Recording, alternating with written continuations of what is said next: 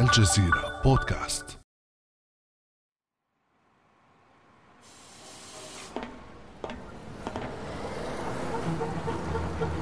في شوارع رام الله وغزة شبان وشابات يترقبون وصول باص المدونين البيئيين. إنه موعد الانطلاق في رحلة طال انتظارها. رحلة تجوب طيلة يوم كامل مناطق فلسطينية عدة للوقوف على حجم الأضرار البيئية واعتداءات الاحتلال الإسرائيلي التي طالت ماءهم وهواءهم وتربتهم حتى أصبح كل من على أرضهم مهدد. فكيف حاصر الاحتلال الإسرائيلي الثروات البيئية للفلسطينيين؟ وما هي أبرز السياسات البيئية العنصرية تجاه الفلسطينيين؟ وما هي خيارات مواجهة هذه الممارسات؟ بعد أمس من الجزيرة بودكاست أنا خديجة بن جنة.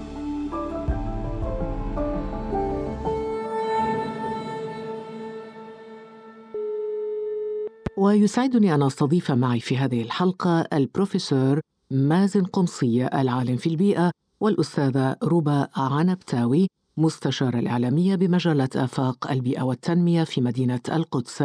نرحب بكما أهلا وسهلا بكما بروفيسور مازن قمصية والأستاذة ربا شكرا لكم. أهلا فيك أستاذة خديجة. أبدأ معك أستاذة ربا عنبتاوي باعتبارك من القائمين على مبادرة باص المدونين البيئيين حدثينا قليلا عن هذه الفكرة وهذه التجربة. كيف بدأت؟ تحياتي لك أستاذة خديجة ولكل القائمين على برنامج البرودكاست في الجزيرة نت. بدأت فكرة الباص المدونين البيئيين وهي فكرة أولى في فلسطين لم يسبق أن تم تطبيقها في الضفة الغربية وغزة. بدأت قبل ثلاث سنوات في نيسان 2017 الفكرة كانت أنه نحن كمجلة بيئية قائمون أو نعمل في المجال البيئي الإعلامي المكتوب وأيضا الإعلامي الإذاعي والمرئي. نعمل منذ أكثر من عشرين عاما. لاحظنا ولا ننكر دورنا في التوعية البيئية ولكن لاحظنا أن المحتوى المكتوب أو المرئي يصل ببطء شديد ويصل لفئات أو شرائح ضيقة في المجتمع. هي المهتمة في البيئة هي التي الباحثون مثلا طلاب الجامعة الأكاديميون من يريد أن يحصل على المعلومة البيئية لغرض ما؟ يعني أردتم أن تصلوا إلى كل الشرائح شرائح المجتمع من خلال هذه المبادرة مبادرة باص المدونين البيئيين.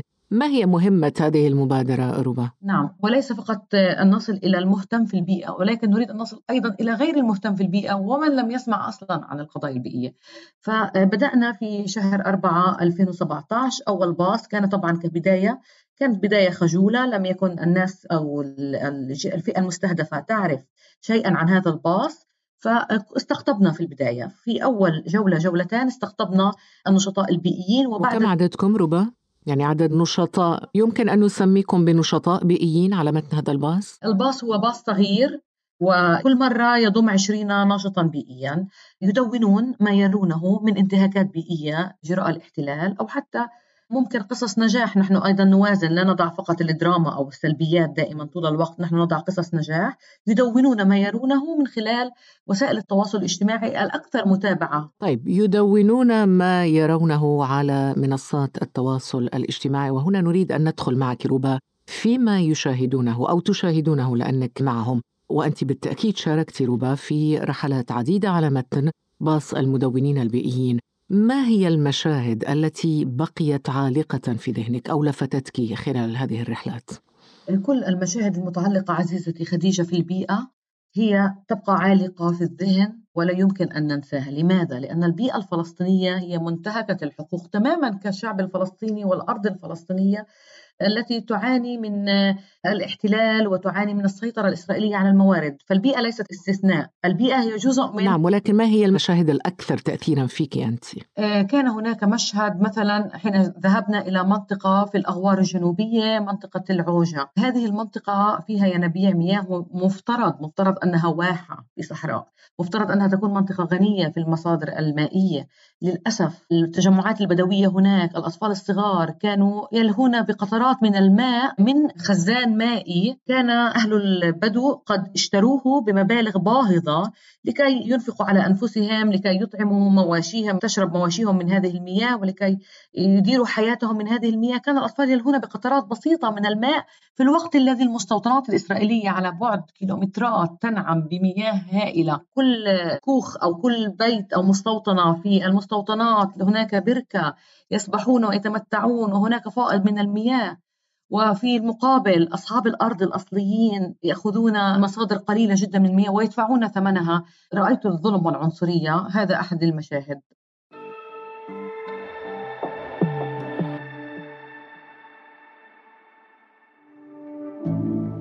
ابقى على تواصل مستمر مع الجزيرة بودكاست ولا تنسى تفعيل زر الاشتراك الموجود في تطبيقك. لتصلك الحلقات يومياً.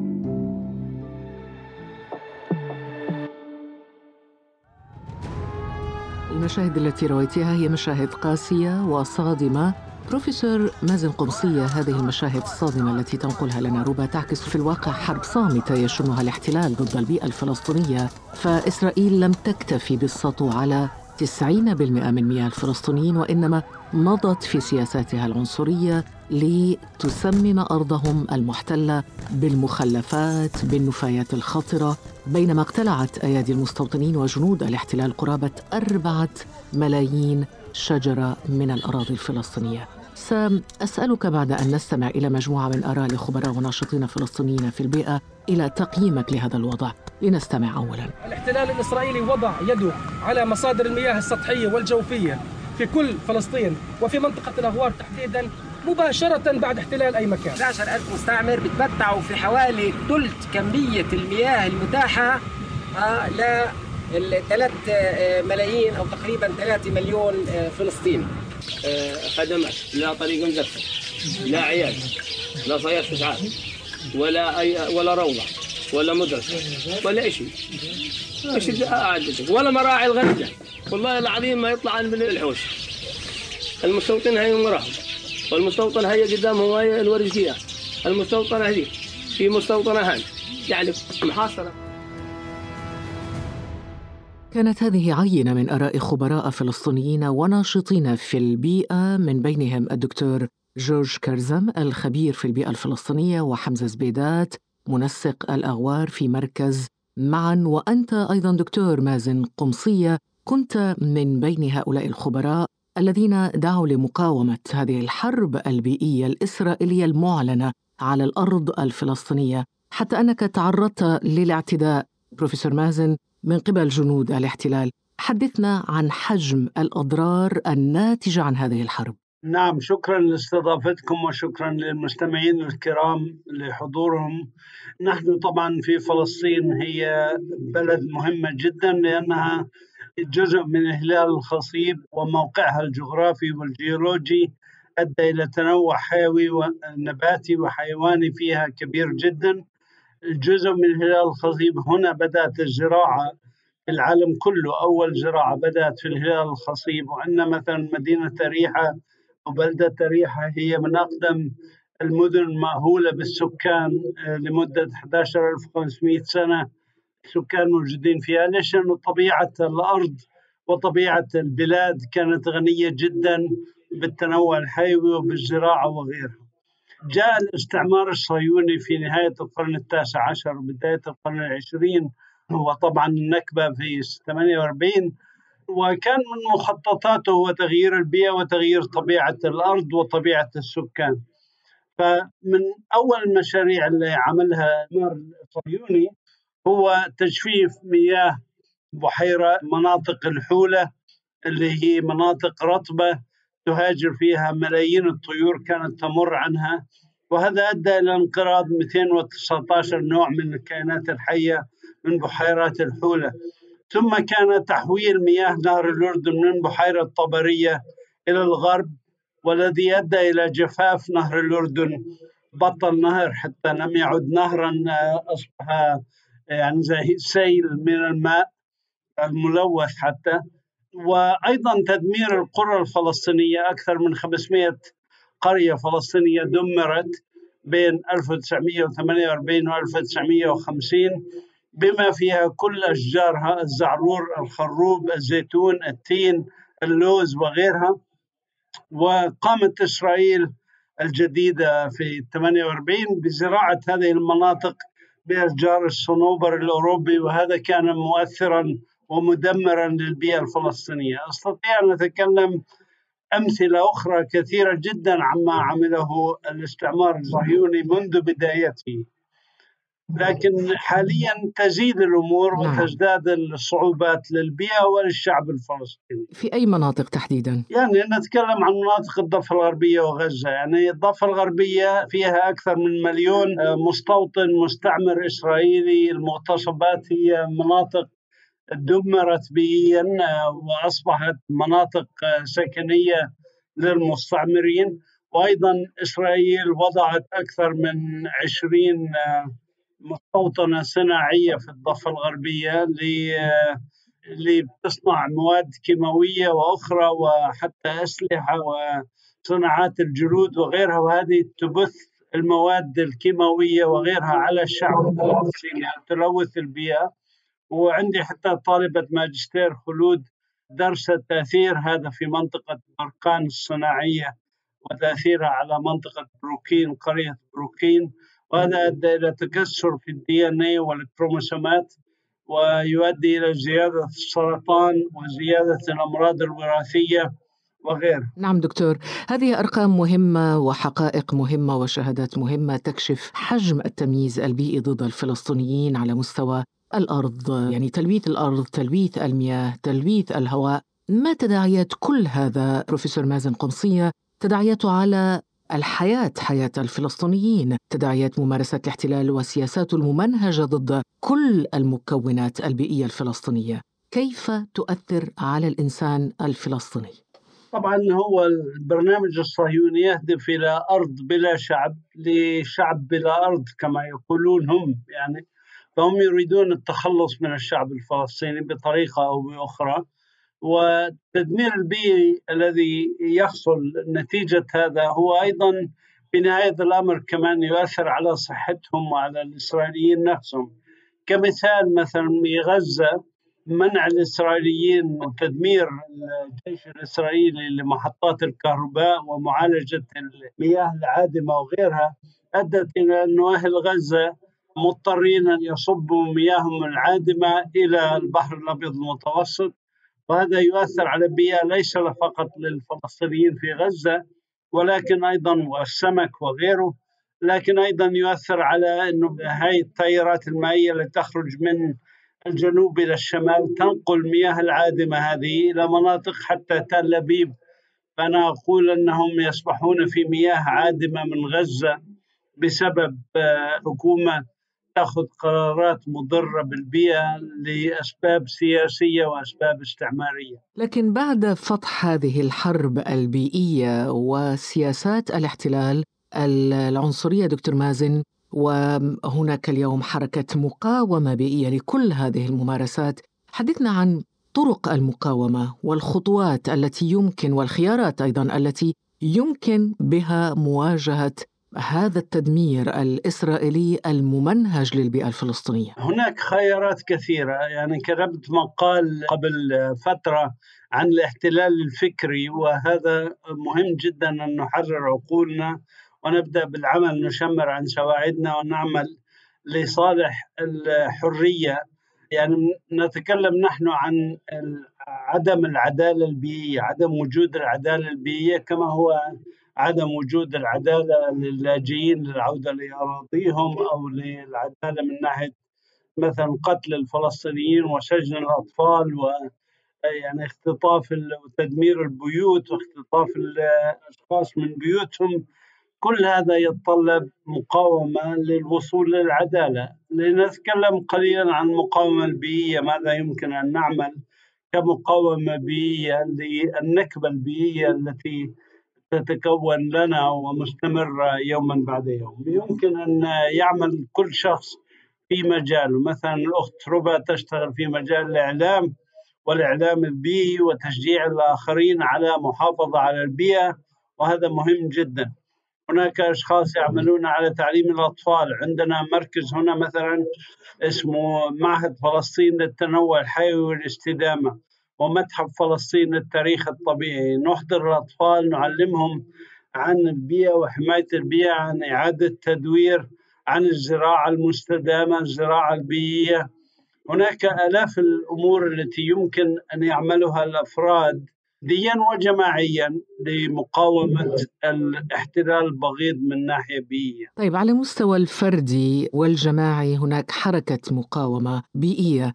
لو عرجنا على تجربتك أنت دكتور مازن قمصية وأنت عشت طبعا في أمريكا فترة طويلة وتبرعت بأموال يعني ليست قليلة تبرعت بأكثر من ربع مليون دولار لإنشاء متحف. حدثنا عن هذه التجربة إنشاء متحف كمبادرة رائعة بصراحة ترفع لك القبعة. ما شاء الله هذا جهد رائع ومبادرة تستحق عليها التحية. حدثنا عن هذه التجربة أو هذه المبادرة. شكرا. يعني هو عمل جماعي تم من قبل مجموعة من المتطوعين في 2014 عندما اقتربنا من جامعة بيت لحم وسألناهم عن موقع في مار اندريا هنا في هو حرم جامعي بعيد عن الجامعة الرئيسية في حوالي 15 دنم من الأراضي التي كان فيها بعض النباتات والحيوانات البرية وعمارة قديمة لم تستعمل فعرضنا عليهم أن نؤهل الموقع ليكون حديقة نباتية تعليمية ومتحف تاريخ طبيعي تعليمي. الهدف من التعليم هو ليس المعرفة فقط لكن هو تغيير السلوك. فنعمل طبعا ضمن إطار تعليمي لتغيير سلوك الأطفال بالتحديد أولا وبعدها طلاب المدارس والجامعات وغيرها.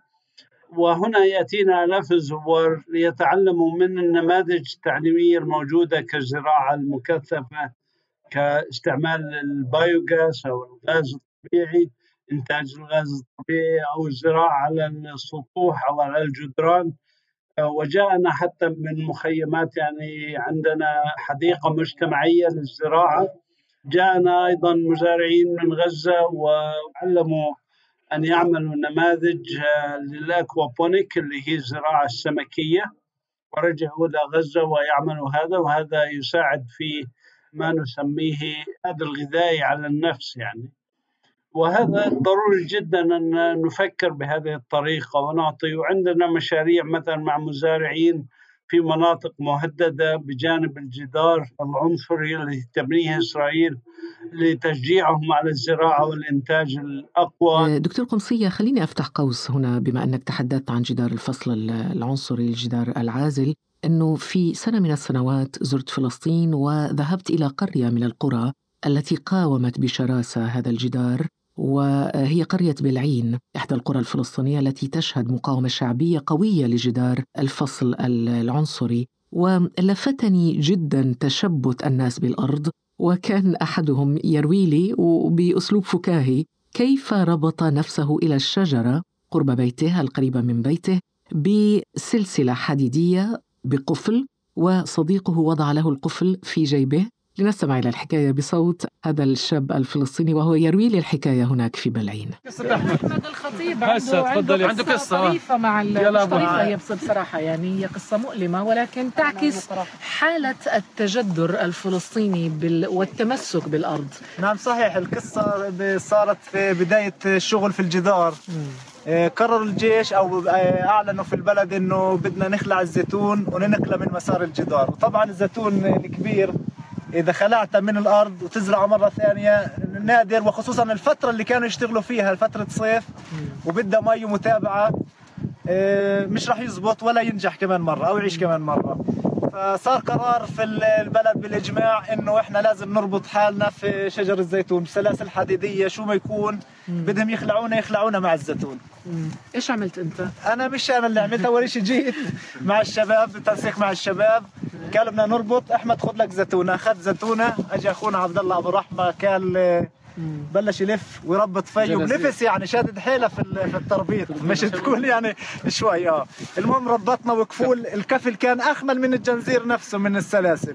ربطنا وسد المفتاح وكان لي خلي المفتاح معك حطه بجيبتك في حال طوارئ يعني أخطر شيء اللي تقدر تفتح وتقدر تهرب أو تسوي شيء يا عمي مش جاي أهرب بس أنا في الآخر إنسان أنت وبشر. طيب حطيت أنا المفتاح. أجي الجيش بلش يجي الجيش. أنا كانت الساعة 6 ونص الصبح والجيش عادة ببلشوا الأعمال الحفر السبعة. بعد السبعة سبعة ونص. إيه، أجوا الجيش وبلشوا ينزلوا وسووا دائرة دائما كانوا يعزلوا في المسيرات يعزلوا دوائر. الأكبر ثم الأصغر. يبعدوا الإعلام. يبعدوا الإعلام يبعدوا الناس اللي يقدروا شو ما يساووا مع المتضامنين. إيه، ما حدا يشوف أو ينكر صور. المهم إيه، بلشوا يضربوا في المتضامنين وفي اللي جنبي كبلي أنا في الزيتون. أنا قاعد على الزيتون هي مربط طبعا. والمهم قرب الخبز يعني وصلت الأمور لعندي المهم جت بدي طول المفتاح. دور على المفتاح جبت الجاكيت هاي مفروطة ماشي. آه مخزوق زي ما كان. دور على المفتاح فيش مفتاح. طبعا الزيتونة شلها صارت تهز؟ بعرفش هي اللي خايفة ولا أنا اللي كنت خايف. قصة خديجة. المفتاح ولا لا؟ لا قصوا جابوا. قصوا المقصات وعشان كتلة وروح جابوا المقصات يعني. عشان كتلة وروح على الاكل أكلنا كتلة بس. خففنا فترتها وفرنا الاعتقال هذا كله بسبب المفتاح؟ دكتور خمسية هذه قصة أنا رويتها وفعلا يعني كنت شاهدة عليها لأني كنت موجودة هناك وهي قصة من قصص أصحاب الأرض وتعلقهم بالأرض الفلسطينية وهواء فلسطين ومياه فلسطين وبيئة فلسطين ما تعليقك؟ نعم يعني هناك قصص كثيرة مثل هذه من مناطق زي بلعين النبي صالح آه، زي الناليين وغيرها وغيرها وجيوس يعني اللي بدأت بالشمال وانتشرت إلى بقايا قرى فلسطين للمقاومة الشعبية. أنا ألفت كتاب عن المقاومة الشعبية في فلسطين وكتب المقاومة الشعبية في فلسطين تاريخ حافل بالأمل والإنجاز وكتبت عن الأمور رجوعا إلى قبل مئة سنة حتى وأكثر. كيف كانت المقاومة وما عمله الشعب الفلسطيني لمقاومة الاحتلال؟ وبصراحة أنا وربا لو ما كان في مقاومة ربما لم نكون يعني ولم نوجد يعني على هذه الأرض. لا الحمد لله محفوظة إن شاء الله هذه الأرض. لكن التوعية في كل هذا مهمة وهنا أعود إلى ربا عنبتاوي. وأنت طبعا مستشارة إعلامية ولك يعني احتكاك مباشر على الأرض مع الناس. هل تشعرين أنه التوعية أو تحسيس الناس بأهمية هذه المقاومة البيئية يعني وصلت إلى الناس بالشكل المطلوب؟ أن ما زال هناك جهد مطلوب ليشعر الناس بأهمية هذه المقاومة؟ أكيد أستاذة خديجة هناك ما زال هناك جهد مطلوب. نحن مشوار الألف ميل الذي يبدأ بخطوة. لقد بدأنا نحن على الطريق الصحيح في مجال التوعية البيئية. قبل 20 عاما لم يكن أحد يتحدث المضامين البيئية ودكتور مازن يعرف هذا الموضوع. لم يكن أحد يفقه ما هو التغير المناخي. لم يكن أحد يعلم ما هو مصطلح إعادة التدوير. لم تكن الجوانب البيئية أو الانتهاكات الإسرائيلية واضحة كليا في أو يتم الحديث عنها بهذا الشكل الصريح والواضح في الأراضي الفلسطينية. الآن هناك وعي جيد. الوعي يتنامى وينمو. يعني من خلال المجلة نحن لم نترك أي قضية بيئية إلا وتطرقنا لها.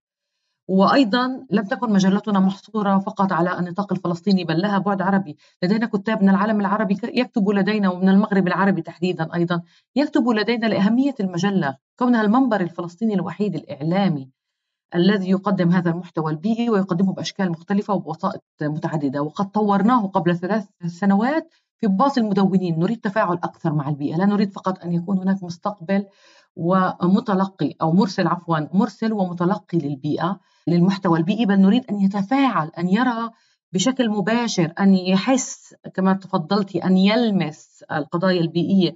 يعني حين أخذناهم إلى موقع كسرات في شمال فلسطين هذه الكسرات يعني هناك ما يزيد عن العشرين كسارة فلسطينية تابعة لإسرائيل في الأراضي الفلسطينية. وطبعا إسرائيل تتعامل مع الضفة الغربية كمكب نفايات وأرض درجة ثانية تستغلها من أجل مصالحها الاقتصادية والرأسمالية. تستغلها بيئيا وتلوثها لانها تعتبر طبعا الشعب الفلسطيني شعب لا يستحق الحياة على هذه الأرض. تريد هذه الأرض فقط للإسرائيليين وأي ضرر بيئي لا يهمها. فهي تتعامل مع تجار أو سماسرة من أجل أن يقيموا كسرات على الأراضي الفلسطينية، فحين ذهبنا في جولتنا الأخيرة إلى الكسرات لم نستطع إحدى الكسرات ومقالع الحجر، وأنا أتحدث أستاذة خديجة عن مشاهد بيئية فلسطينية تمر بها مثلا من خلال الحافلة ثم تجد تلك الجبال أو التلال الجميلة كلها مشوهة المختلعة وهي نتيجة الكسرات أو مقالع الحجر. فحين ذهبنا هناك أستاذتي لم نستطع التنفس. امتلأنا كلنا في الغبار الأبيض. أصبحنا فعلا بشكل وأقولها بحرفية.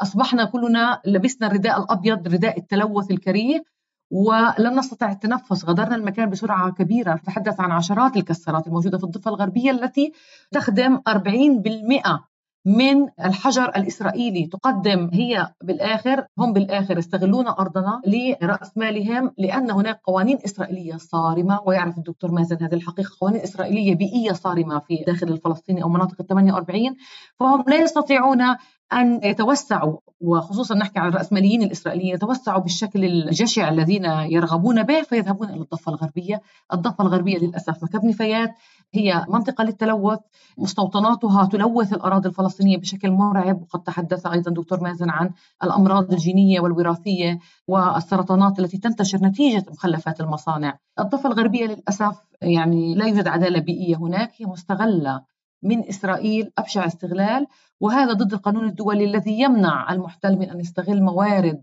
أو يغير معالم المناطق التي يحتلها. للأسف إسرائيل تضرب بعرض الحائط كل الاتفاقيات الدولية. طب هنا دكتور مازن قمصية كيف يمكن إذا وقف نزيف هذه الاعتداءات هذا الموت البطيء الذي بات يهدد حياة الفلسطينيين وليس فقط حياة الفلسطينيين الآن ولكن أيضا الأجيال القادمة ومستقبلهم؟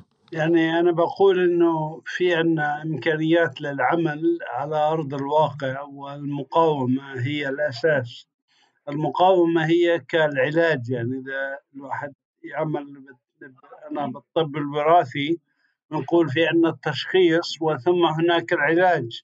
العلاج مهم جدا. العلاج هو أن نعمل مع بعض وأن نشتغل وأن نقاوم المقاومة هي ليست فقط مقاومة مسلحة هي مقاومة من كل النواحي بما فيها المقاومة البيئية بما فيها التدوين اللي تكلمت عنه الأخت ربا بما فيه التوثيق بما فيه الأبحاث العلمية بما في تعليم أطفالنا عن أهمية حماية البيئة عدم استعمال البلاستيك أو الأشياء مثل هذا عدم شراء البضائع الإسرائيلية اللي بتلوثنا أصلا بموادهم الكيماوية والمسرطنة هنا أيضا حماية أراضينا وزراعتها. كل هذه هي أنواع من العلاج ضرورية جدا لحماية ما بقى في فلسطين والاسترجاع الأراضي واسترجاع حقوقنا في فلسطين. وأنا يعني متفائل جدا أننا نستطيع أن نسترجع حقوقنا بالعمل بالجهد. إن شاء الله. شكرا جزيلا لك البروفيسور مازن قمصية العالم في البيئة والأستاذة ربا عنبتاوي المستشارة الإعلامية لمجلة آفاق البيئية شكرا لكما. شكرا. شكرا لك أستاذة. كان هذا بعد أمس.